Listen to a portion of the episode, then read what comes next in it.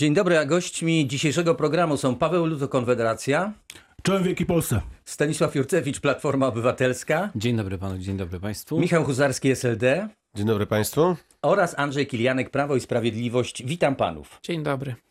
Poparta głosami całej krajowej opozycji rezolucja Parlamentu Europejskiego wzmaga presję na wiązanie środków unijnych z praworządnością. Przeciw są Polska i Węgry i kilka innych krajów, uważających te kwestie za swoisty bat na kraje mniejsze, słabsze, mniej wpływowe, który będzie wykorzystywany, żeby je dyscyplinować. Dlaczego eurodeputowani Platformy i Lewicy głosowali za owym batem? Stanisław Jurcewicz.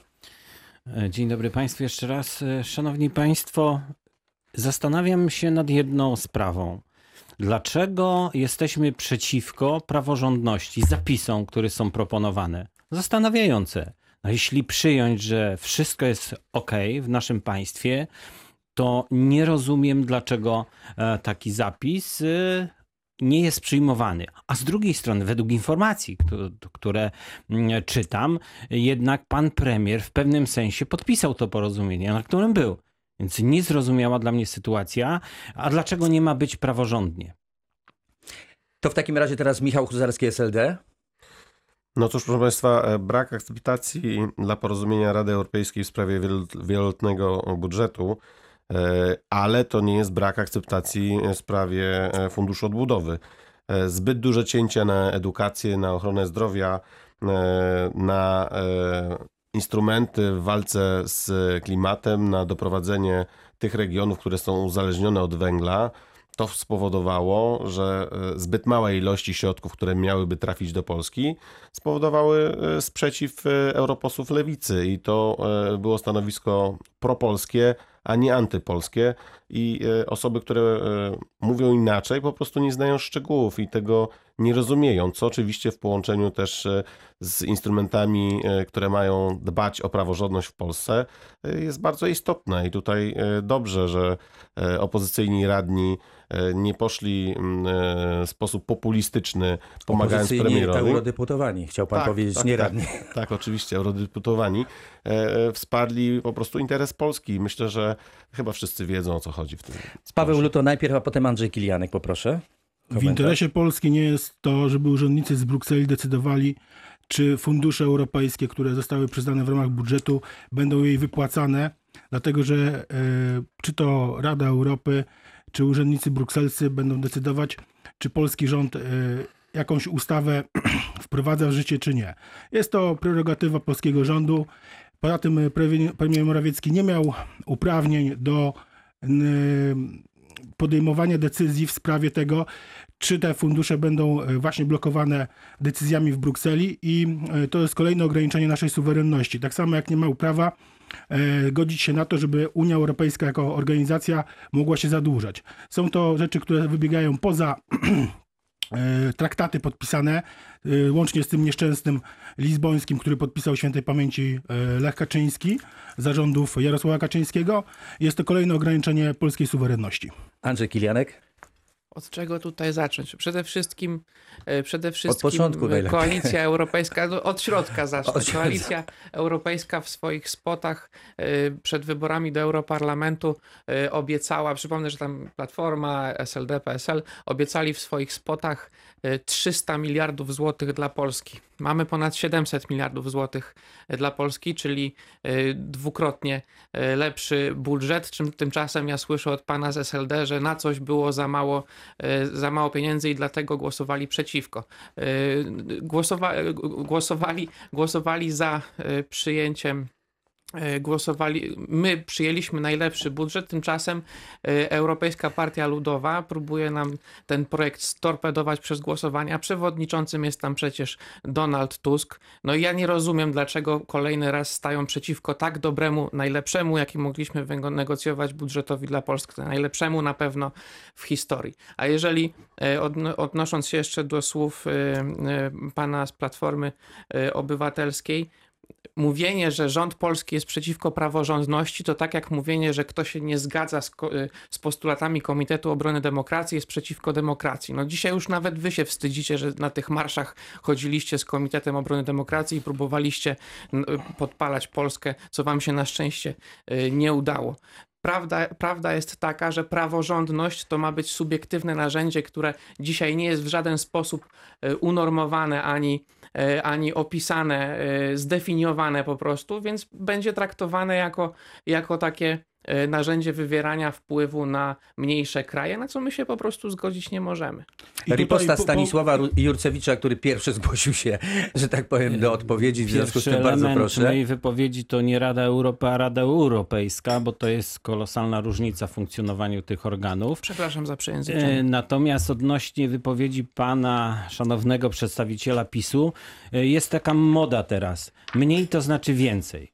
E, Proszę państwa, e, nie do końca, zdecydowanie nie do końca jest prawdą, że to jest 750 e, miliardów.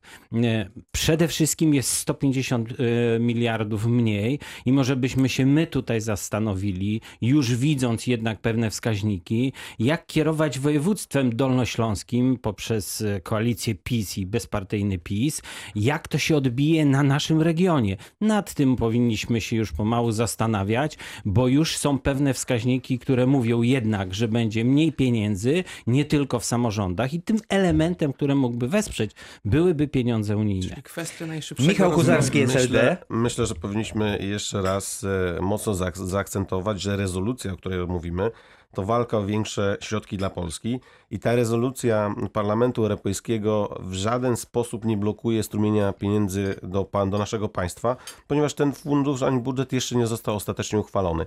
A to, że mówimy, że jest mniej pieniędzy, to wynika tylko z tego, że na przykład e, e, mamy ograniczone środki e, na walkę z, z problemami klimatycznymi, które spadły aż do 3 miliardów. To jest potężny spadek. I tak samo spadki w ochronie zdrowia czy edukacji. To są potężne spadki i dlatego musimy to jeszcze spróbować wynegocjować. I jak się uda więcej, no to będzie nasz wspólny sukces. Paweł Luto?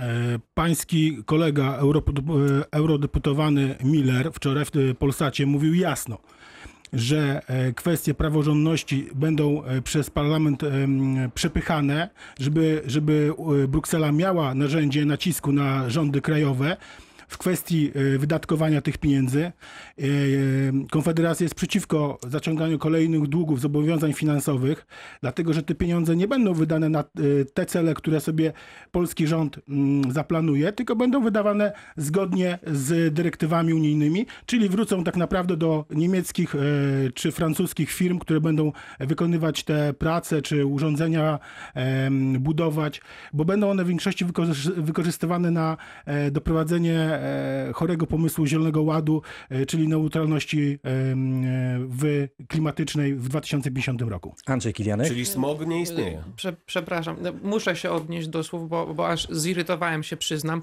Tak, proszę Państwa, Dolny Śląsk dostanie mniej, mniej pieniędzy. Tak, proszę Państwa, są takie wskaźniki, tylko że te wskaźniki y, są bardzo dobre dla Dolnego Śląska i dlatego dostaniemy y, mniej pieniędzy. A jest tak dlatego, że jesteśmy najszybciej rozwijającym się województwem w Polsce i jednym z lepiej rozwijających się regionów w Europie. I dlatego dostaniemy mniej pieniędzy, a nie dlatego, że, że jest związane z, z tym jakieś ryzyko, czy dlatego, że rząd źle pracuje. I mówi o tym sam marszałek Przybylski, jeszcze do niedawna członek Platformy Obywatelskiej, przypomnę. Mówił to jako członek, mówił to jako później członek bezpartyjnych i teraz jako koalicjant Prawa i Sprawiedliwości, więc proszę tutaj nie manipulować. To jest rze- rzecz jedna.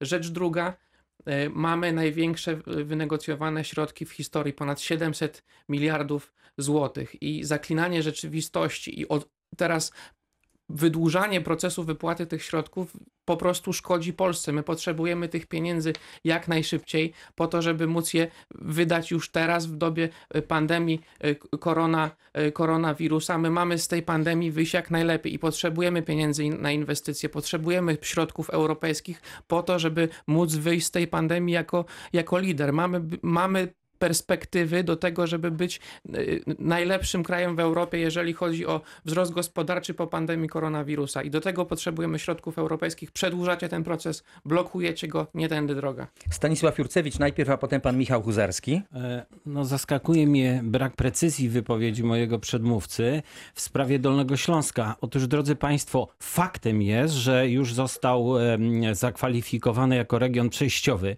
ale to nie oznacza, że równomiernie Dolny Śląsk się się e, rozwija. I zgadzam się z panem w jednym przynajmniej, z moim przedmówcą, że są potrzebne pieniądze dla ponad 100 gmin, które nie sięgają tego wskaźnika. On jest zdecydowanie mniejszy jak duże aglomeracje, e, które faktycznie rozwijają się bardzo dynamicznie i tutaj się w tym e, zgadzamy. Michał Huzarski? Ja myślę, że e, warto by było e, przekazać naszym słuchaczom, że już e, pewna podstawa została tak jakby wynegocjowana w Parlamencie Europejskim i teraz zależy nam na tym, żeby ta kwota się zwiększyła. To tak troszeczkę jak się dzwoni do, do jakiegoś słuchacza, który bierze udział w konkursie i mówi się masz do wyboru albo wygrasz 50 tysięcy albo 100 tysięcy. My chcemy tą wyższą kwotę wynegocjować. Oczywiście każdy może mieć, może być zadowolony z tego, że dostanie jakąkolwiek już teraz, szybko, ale e, wydaje mi się, że to jednak są pieniądze, e, pieniądze, które będą naszymi pieniędzmi publicznymi i musimy e, dobrze myśleć, żeby je dobrze wynegocjować. Czy ta kwestia została już wyczerpana, panowie, w ramach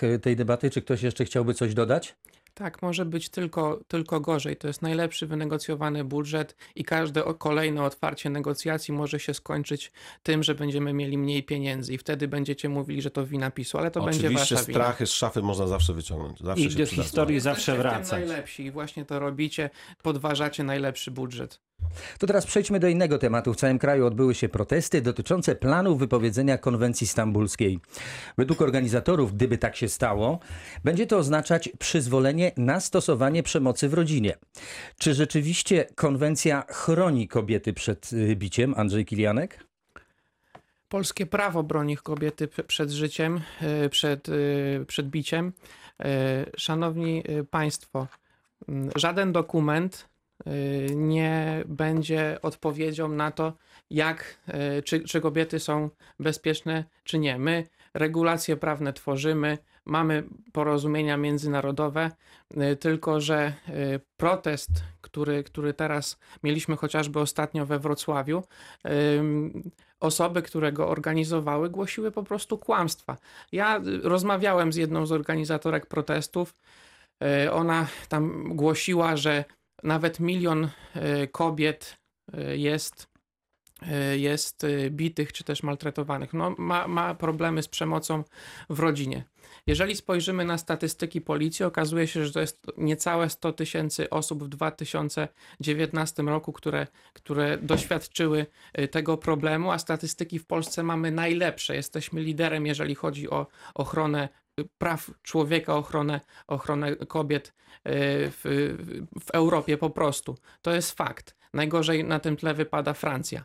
E, I teraz e, konwencja, konwencja stambulska zawiera zapisy, które, z którymi my się po prostu nie zgadzamy. To są kwestie ideologiczne, takie jak płeć kulturowa, która jest zaprzeczeniem płci biologicznej. No my się na to zgodzić nie chcemy. Nie chcemy edukować pod kątem LGBT młodzieży, dlatego podjęliśmy decyzję, że dzisiaj zostanie złożony formalny wniosek o, o wypowiedzenie tej, tej konwencji. Ale e, przez rząd zostanie zgłoszony ten wniosek, bo póki co to wiem, że tylko takie... minister Ziobro minister zapowiedział, Ziobro zapowiedział tak. że ale póki co nie było jak gdyby stanowiska ostatecznego, że rząd również y, y, pójdzie tą drogą. Sprawa wygląda tak, że rozpoczynamy formalną procedurę i jeżeli będzie możliwe formalne wypowiedzenie tej konwencji, najprawdopodobniej doprowadzimy do jej wypowiedzenia. Przy czym nie sprzeciwiamy się obronie praw kobiet, wręcz, e, wręcz przeciwnie, e, podejmiemy inicjatywę, która radykalnie zaostrza kary za, za zbrodnie przeciwko kobietom, takie jak gwałty na przykład. E, natomiast, natomiast sprzeciwiamy się ideologicznej indoktrynacji młodzieży. Paweł Luto? Ja chciałem zauważyć, że to jest nareszcie dobry ruch e, rządu. Zobaczymy, czy uda się wypowiedzieć tą konwencję. Tutaj ruch narodowy był od początku za nieprzyjmowaniem e, tego, tych zapisów. Widać, że rząd Myślę, że ten naczelnik państwa mm, rozumie, że musi się e, troszeczkę, troszeczkę skręcić w prawo, bo za bardzo PiS poszedł do środka. Dlatego swojego e, przybocznego ministra Ziobro e, namaścił na naczelnego katolika narodowca, który teraz będzie tą konwencję chciał wypowiedzieć. I to jest zasługa Konfederacji i naszego, naszego elektoratu, który pokazał, że bez naszych głosów prezydent Duda by nie został, nie został wybrany. Stanisław Jurcewicz, Platforma Obywatelska. Szanowni Państwo, jak e, słyszymy, e, PiS jak e, nie ma recepty na to, jak wyjść poprawnie z COVID-u, jak zmniejszyć faktycznie, o czym zaczęliśmy słyszeć w tej chwili, nie, niebagatelnie wielką ilość ministerstw, to szuka tematów, które jakby są w pewnym sensie ideologiczne. Znaczy, to wypowiemy za chwilę konwencję praw człowieka. Przecież tam też są zapisy, które mamy też w prawie. A jeżeli chodzi o zaostrzanie kar w kodeksie karnym, chwała, róbcie to. Nie ma na co czekać. Natomiast e, inne konwencje też są przyjęte, które mają pewne zapisy odzwierciedlone w naszych e, dokumentach też ustawowych czy kodeksach. Więc o co chodzi? Michał Huzarski. Może odpowie na pytanie, o co chodzi. Ech, No cóż, no.